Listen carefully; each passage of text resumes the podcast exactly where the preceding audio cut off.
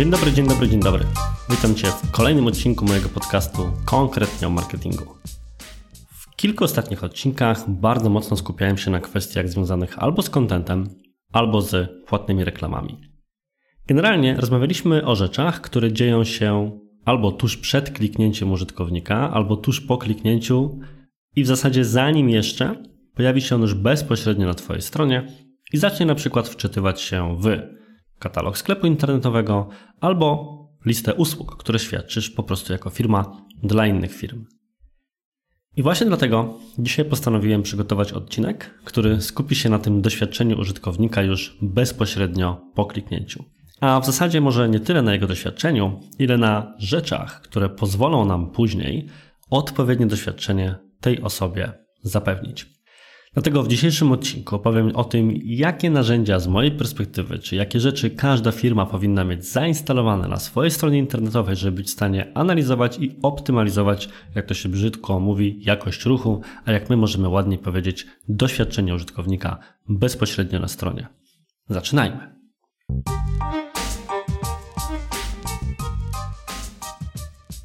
Dzisiejszy odcinek myślę będzie szczególnie przydatny dla tych osób, które albo dopiero zaczynają z poprawianiem swojej strony internetowej bądź wgrywaniem na nie pewnych narzędzi, dopiero wchodzą w ten świat wszystkich narzędzi internetowych.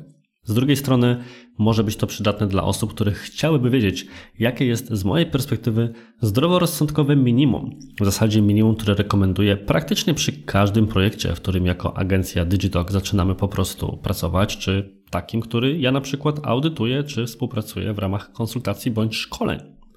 Natomiast mam nadzieję, że te osoby, które są bardziej zaawansowane, znajdą tutaj z jednej perspektywy trochę poukładania rzeczy, z których korzystają, a być może też kilka narzędzi, których na przykład nie znają albo o których nie myślały, że należałoby je wykorzystywać w ten konkretny sposób.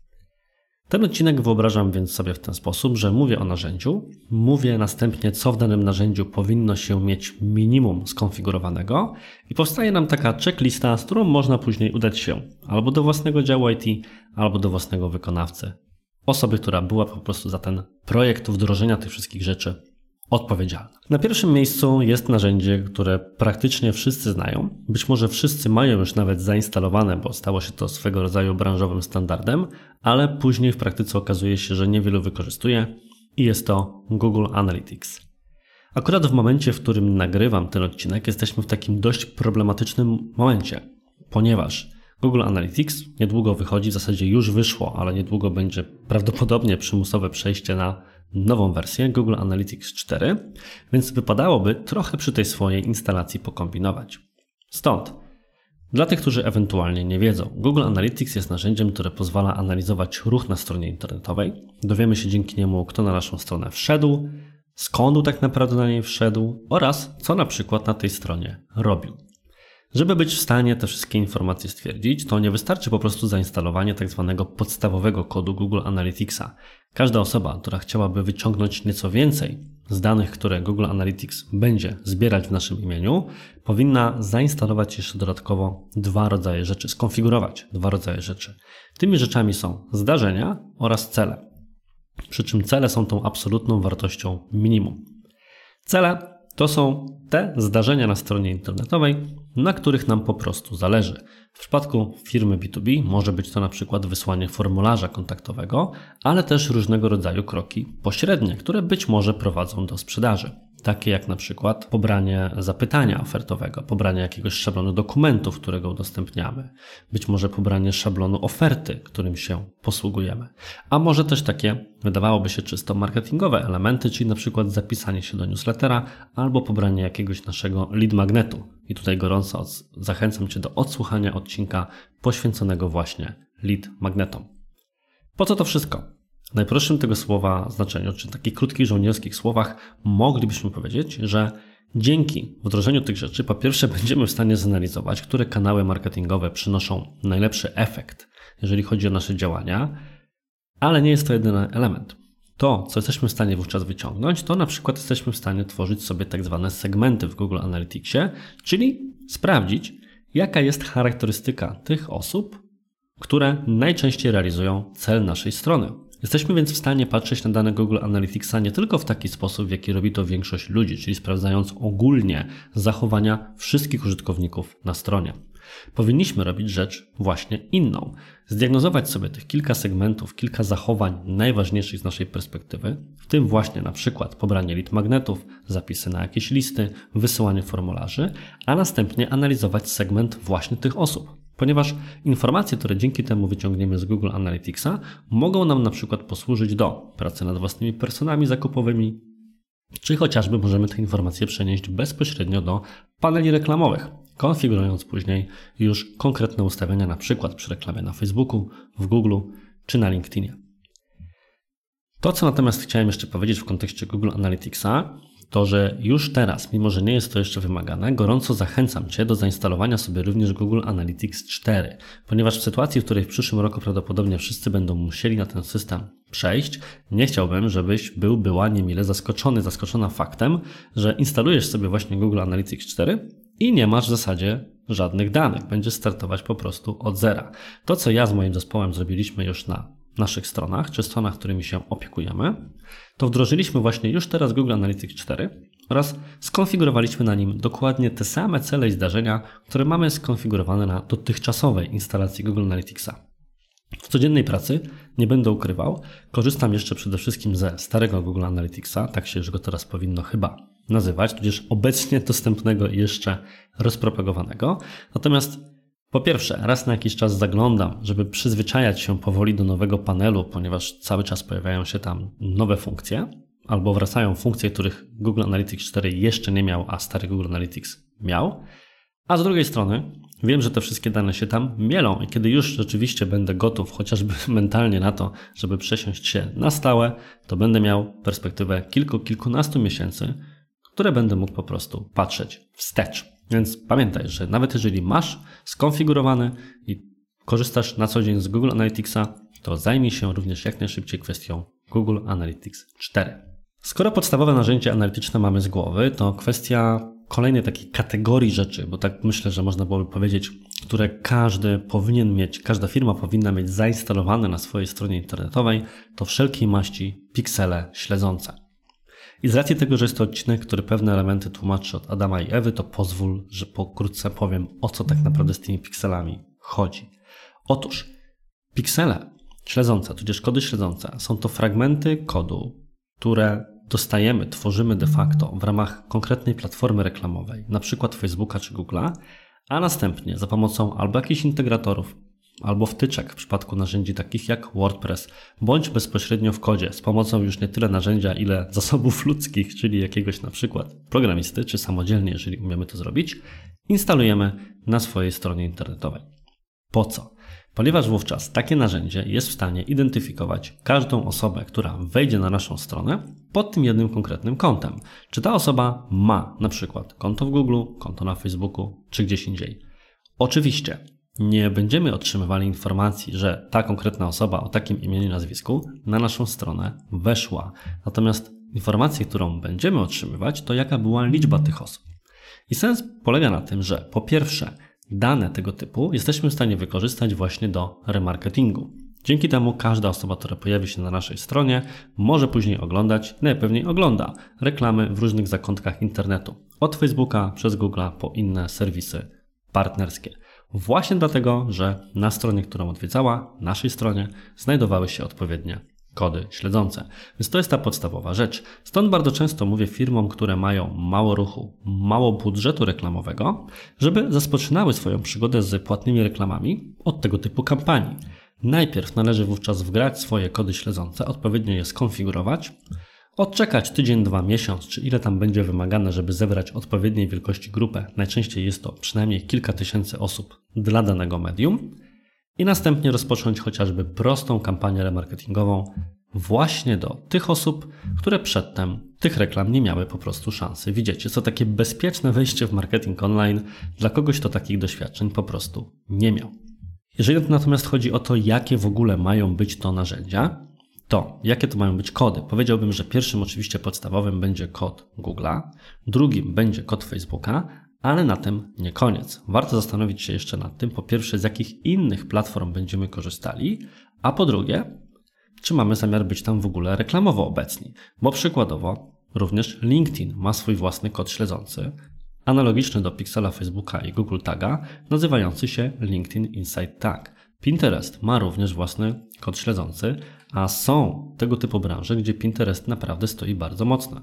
Wreszcie TikTok również ma własny kod śledzący. My jako agencja, jako jedna z niewielu agencji, mamy w zasadzie dostęp do panelu reklamowego TikToka i możemy puszczać reklamy. Także gdyby ktoś potrzebował, to zachęcam do kontaktu pod kontaktmałpa.digitalk.pl i też wiemy, że takie kody są tam właśnie możliwe do wgrania.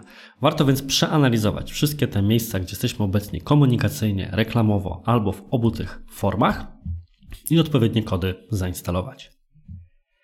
Jako, że idziemy za pomocą takiej checklisty, to to, co musimy jeszcze w tym momencie dodać, to że oczywiście, podobnie jak w Google Analyticsie, nie wystarczy sama podstawowa instalacja.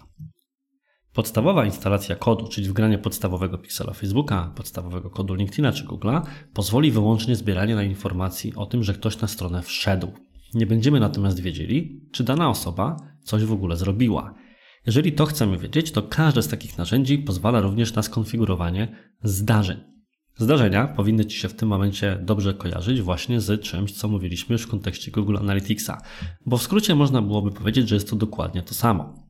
Trzeba to wszystko skonfigurować osobno, bo oczywiście te narzędzia bezpośrednio swoimi danymi się nie wymieniają. Dlatego zarówno Google'owi musimy za pomocą jego zdarzeń i celów powiedzieć, że jeżeli ktoś kliknął w tym miejscu, to na przykład zapisał się na newsletter. I tak samo LinkedInowi i Facebookowi musimy za pomocą odpowiednich takich kodów dodatkowych, które różnią się tak naprawdę tylko nazwą, informować, że to kliknięcie jest na przykład zakupem, a to kliknięcie jest wysłaniem formularza, a to na przykład pobraniem szablonu oferty. Na szczęście robi się to tylko raz, ale dzięki temu jesteśmy w stanie nie tylko dowiedzieć się, że ktoś na stronę wszedł, ale również dowiedzieć się, czy realizuje cele tej strony, czyli czy na przykład w wyniku pewnych kampanii czy naszych marketingowych ruchów ktoś coś w ogóle kupuje, ktoś jakieś materiały pobiera, czy z tej mąki będzie chleb, a po drugie, jesteśmy w stanie również uruchomić wszelkiej maści optymalizatory kampanii. Tutaj gorąco polecam Ci na przykład jeden z poprzednich odcinków mojego podcastu, gdzie mówiłem właśnie o zdarzeniach, na które można kampanię optymalizować. Tam konkretnie była mowa o kampaniach na Facebooku i różnicach między konfiguracją kampanii na dodania do koszyka, a na zakupy, w zależności od tego, na jakim etapie rozwoju jest Twój sklep internetowy. Więc tam odsyłam Cię po więcej tego typu informacji. I można by było powiedzieć, że na instalacji Google Analyticsa oraz pikseli śledzących większość osób swoją taką przygodę marketingową kończy, jeżeli chodzi o te narzędzia, które uważa za niezbędne minimum. Z mojej perspektywy tak nie jest. Są jeszcze inne narzędzia, które uważam, że warto jako swoje zdroworozsądkowe minimum traktować. I jednym z takich narzędzi jest narzędzie e, polskie, co mnie zawsze bardzo cieszy, bo lubię takie polskie produkty polecać. I to narzędzie nazywa się cux.io. Do czego ono służy? Otóż narzędzie Cux.io jest to narzędzie, które pozwala nam dowiedzieć się nie tylko, że ktoś na stronę wszedł i coś tam zrobił, ale również na przykład podejrzeć, jak on na tej stronie się w ogóle zachował. Oczywiście jest to narzędzie, które wymaga instalacji własnego kodu oraz standardowo powiedzenia temu narzędziu, że dane zdarzenie jest realizacją konkretnego celu, a następnie jesteśmy w stanie dowiedzieć się szeregu informacji. Pierwsza z tych informacji to w ogóle możemy sobie pooglądać, jak zachowują się użytkownicy na naszej stronie internetowej. I gorąco polecam, żeby sobie zainstalować taką wersję i przynajmniej część takich nagrań mm, wziąć, bo potem się okaże, że naprawdę będzie Was to prawdopodobnie boleć. Bo okaże się, że ludzie wcale nie czytają zawartości naszej strony szaleją, klikają w miejsca, w które nie powinni klikać, albo nagle się dowiemy, że na naszej stronie są jakieś błędy, pewne rzeczy się nie wczytują, źle wyglądają na poszczególnych urządzeniach, więc sporo takich błędów możemy w tym momencie wykryć. Z drugiej strony zaś, nie będziemy przecież oglądali wszystkich takich nagrań po kolei. Są narzędzia, które właśnie de facto temu służą. Na przykład najbardziej rozpropagowanym jest takie narzędzie, które się nazywa Hotjar i większość osób właśnie w ten sposób do tego podchodzi. Ale Cux.io jest pod tym kątem mądrzejszy, że pozwala nam pewne rzeczy sprowadzić do wspólnego mianownika, a w zasadzie robi to za nas, czyli podsumowuje na przykład tak zwane wściekłe kliknięcia. Jesteśmy w stanie dowiedzieć się na przykład, ilu użytkowników klikało w jakiś dziwny element na naszej stronie nadspodziewanie często. Być może coś się nie wczytuje. Być może użytkownicy traktują za klikalne miejsce, które klikalne być może powinno być, a być może nie jest. Dowiemy się też, które te elementy są na przykład za mało widoczne, że jakiś procent użytkowników zaczyna na przykład powiększać pewne elementy naszej strony. Będziemy również otrzymywali mapy cieplne, żeby zobaczyć właśnie, które elementy są najbardziej klikalne i tak dalej, więc jest wiele, wiele kwestii, na które takie narzędzie typu Cuxayo czy na przykład Hotjar pozwala. Ja szczególnie lubię właśnie przeglądać przede wszystkim wściekłe kliknięcia, bo tłumaczy mi to właśnie, gdzie ludzie się skupiają oraz oczywiście mapy cieplne oraz wybrane pojedyncze ścieżki użytkowników, żeby zobaczyć jak w praktyce wygląda zachowanie użytkowników na mojej stronie internetowej, co jest dla nich szczególnie interesujące. Kolejnym narzędziem, które ponownie z mojej perspektywy jest taką podstawą podstaw, w sensie uważam, że powinno być praktycznie w każdym projekcie używane, to jakieś narzędzie od Marketing Automation. Tego typu narzędzi jest oczywiście na rynku bardzo dużo. Ja osobiście korzystam i rekomenduję również takie narzędzie user.com. I za jego pomocą jesteśmy w stanie dowiadywać się kolejnej masy informacji o naszych użytkownikach, czyli przede wszystkim prześledzić taką całą ścieżkę, historię konkretnego użytkownika na naszej stronie internetowej, żeby dowiedzieć się, kiedy się jego przygoda zaczęła, co po kolei robił, jakie materiały pobrał itd. Tak Ale to nie wszystko, ponieważ na podstawie tak zebranych informacji jesteśmy w stanie wówczas wywoływać wszelkiej maści marketingowe akcje, w zależności od tego, jaka jest historia poszczególnej osoby. Najprostszy możliwy przykład. Ktoś może otrzymać, będąc zapisanym na naszą listę mailową, jakąś konkretną informację, dlatego, że zapisał się w konkretnym miejscu na konkretną listę albo odwiedzał konkretną podstronę. Ewentualnie może zobaczyć na naszej stronie przy konkretnej wizycie specjalną ofertę tylko dla siebie, na przykład dlatego, że jest to jegoś któraś wizyta, albo dlatego, że pobrał wcześniej jakieś materiały, na których nam zależało. Generalnie narzędzia Marketing Automation pod kątem doświadczenia użytkownika na stronie i personalizacji oferty czy wyświetlanych treści właśnie pod konkretną osobę są jednymi z, myślę, najważniejszych. A skoro przy takiej personalizacji jesteśmy, to kolejnym narzędziem, które myślę, że warto wdrożyć, szczególnie, że kosztuje 0 zł, więc pod tym kątem jest szczególnie przydatne, to Google Optimize. Google Optimize to narzędzie, które pozwala nawet bez umiejętności programistycznych testowanie poszczególnych elementów strony internetowej. Dużo się o testach mówi, natomiast mało ludzi się za testy bierze, ponieważ przeważnie nie wie, jak w zasadzie się za takie testy właśnie zabrać. W sensie brakuje im narzędzi, które pozwoliłyby na przykład prosto i efektywnie zmieniać wygląd czy kolejność elementów albo teksty na stronie internetowej. Łatwo się to robi na przykład na landing page'ach generowanych w narzędziach takich jak landingi.com, ale niekoniecznie już na naszej własnej stronie. Rozwiązaniem może być właśnie Google Optimize, które po instalacji, o ile tylko nasza strona jest napisana w sposób w miarę przydatny właśnie do takiego narzędzia, pozwoli na przykład w prosty sposób zmienić kolejność ekranów, podmienić na przykład teksty, więc dzięki temu będziemy mogli na przykład testować nagłówki bezpośrednio na stronie internetowej. Dużo ludzi skupia się na testach tego, co dzieje się na poziomie reklamy, treści reklam, grup docelowych i to w Google i na Facebooku. Natomiast później na stronie internetowej już aż tak dużej wagi do testów nie przykładają. A przecież może się okazać, że to właśnie zmiana tekstu na stronie internetowej bez żadnej innej zmiany, czegokolwiek więcej, sprawi, że będziemy w stanie osiągnąć więcej z danej konkretnej kampanii. Jedną taką bonusową jeszcze kwestią, czy bonusową sekcją, której bym powiedział, są wszelkie e, maści narzędzia, z których wymienić mogę dwa, na przykład Callpage czy e, Noti Pack. To są narzędzia, które pozwalają mm, Zbierają na przykład wiele różnego rodzaju wyskakujących okienek, które możemy w tym momencie wyświetlać naszym użytkownikom. Na pewno kojarzysz takie wyskakujące okno typu zostaw numer telefonu, odzwonimy w ciągu iluś sekund. Albo być może takie wyskakujące kody rabatowe, zależnie od tego, że ktoś odwiedził konkretną stronę i ma zaraz zamiar ją opuścić. Albo w sytuacji, w której przeglądasz jakieś narzędzie, albo przeglądasz konkretny produkt, pojawiają się informacje typu ile to osób już go kupiło, czy ile osób jest właśnie online i tak dalej, i tak dalej. Również narzędzia do zbierania feedbacku, czy coś nam się podoba, narzędzia do limitowanych ofert. Są to różnego rodzaju okienka, do których można mieć stosunek różny. Ja sam również średnio im na przykład ufam, ale pamiętajmy, nie jesteśmy idealnymi reprezentantami naszej grupy docelowej. Warto to przetestować, bo w przypadku dużej liczby e-commerce'ów i nie tylko, pozwala to zwiększać konwersję, więc może się okaże, że pomoże również i w naszym przypadku. Podsumowując więc, żeby była taka na koniec odcinka jeszcze rzeczywiście checklista. Narzędzia, które powinna mieć każda firma zainstalowana na swojej stronie internetowej to Google Analytics oraz nowa wersja, czyli Google Analytics 4, a tam zainstalowane cele i zdarzenia, żeby mierzyć, co się z tymi użytkownikami dzieje. Piksele śledzące Facebooka, Google'a, ale również innych narzędzi, z których korzystamy, typu LinkedIn czy TikTok. Narzędzia do analizy ruchu na trochę wyższym poziomie, np. wykrywania błędów na stronie czy dziwnych zachowań użytkowników, przykład Cooks.io albo Hotjar. Narzędzia do przeprowadzania prostych testów AB bez konieczności angażowania programistów czy designerów. Takim narzędziem jest na przykład Google Optimize oraz narzędzia do marketing automation pozwalające oceniać zachowania użytkowników, personalizować ofertę i inne treści, które otrzymują. Ja na przykład korzystam z user.com. A w przypadku innego rodzaju firm, szczególnie w kontekście e-commerce'ów, narzędzia, które pozwalają za pomocą jednego prostego panelu uruchamiać wszelkiej maści wyskakujące okienka z dodatkowymi ofertami, opiniami użytkowników czy innymi pomagającymi zwiększać konwersję rozwiązaniami. Na przykład takim narzędziem jest Notipack.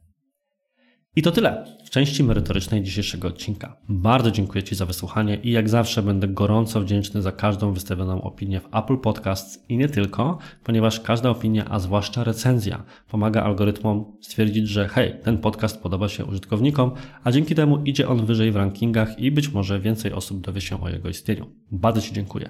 Na sam koniec jeszcze krótki segment rekrutacyjny. Właśnie trwają u nas poszukiwania kolejnego specjalisty do spraw reklam na Facebooku. Ogłoszenie jak zawsze jest dostępne na portalu racketjobs.pl, więc wystarczy, że wyszukasz tam Digitalk, moją firmę i znajdziesz na pewno to ogłoszenie, jak również możesz napisać bezpośrednio do mnie na adres poczta małpa Na ten adres pisz również, jeżeli masz jakieś uwagi, sugestie, pomysły dotyczące podcastu, jego treści. Zawsze bardzo mi miło przyjąć każdy feedback. Wiadomo, każdy twórca tego typu rzeczy łaknie. A na dziś to już wszystko. Gorąco Ci dziękuję za wysłuchanie i do usłyszenia w przyszłym tygodniu. Cześć! Thank you.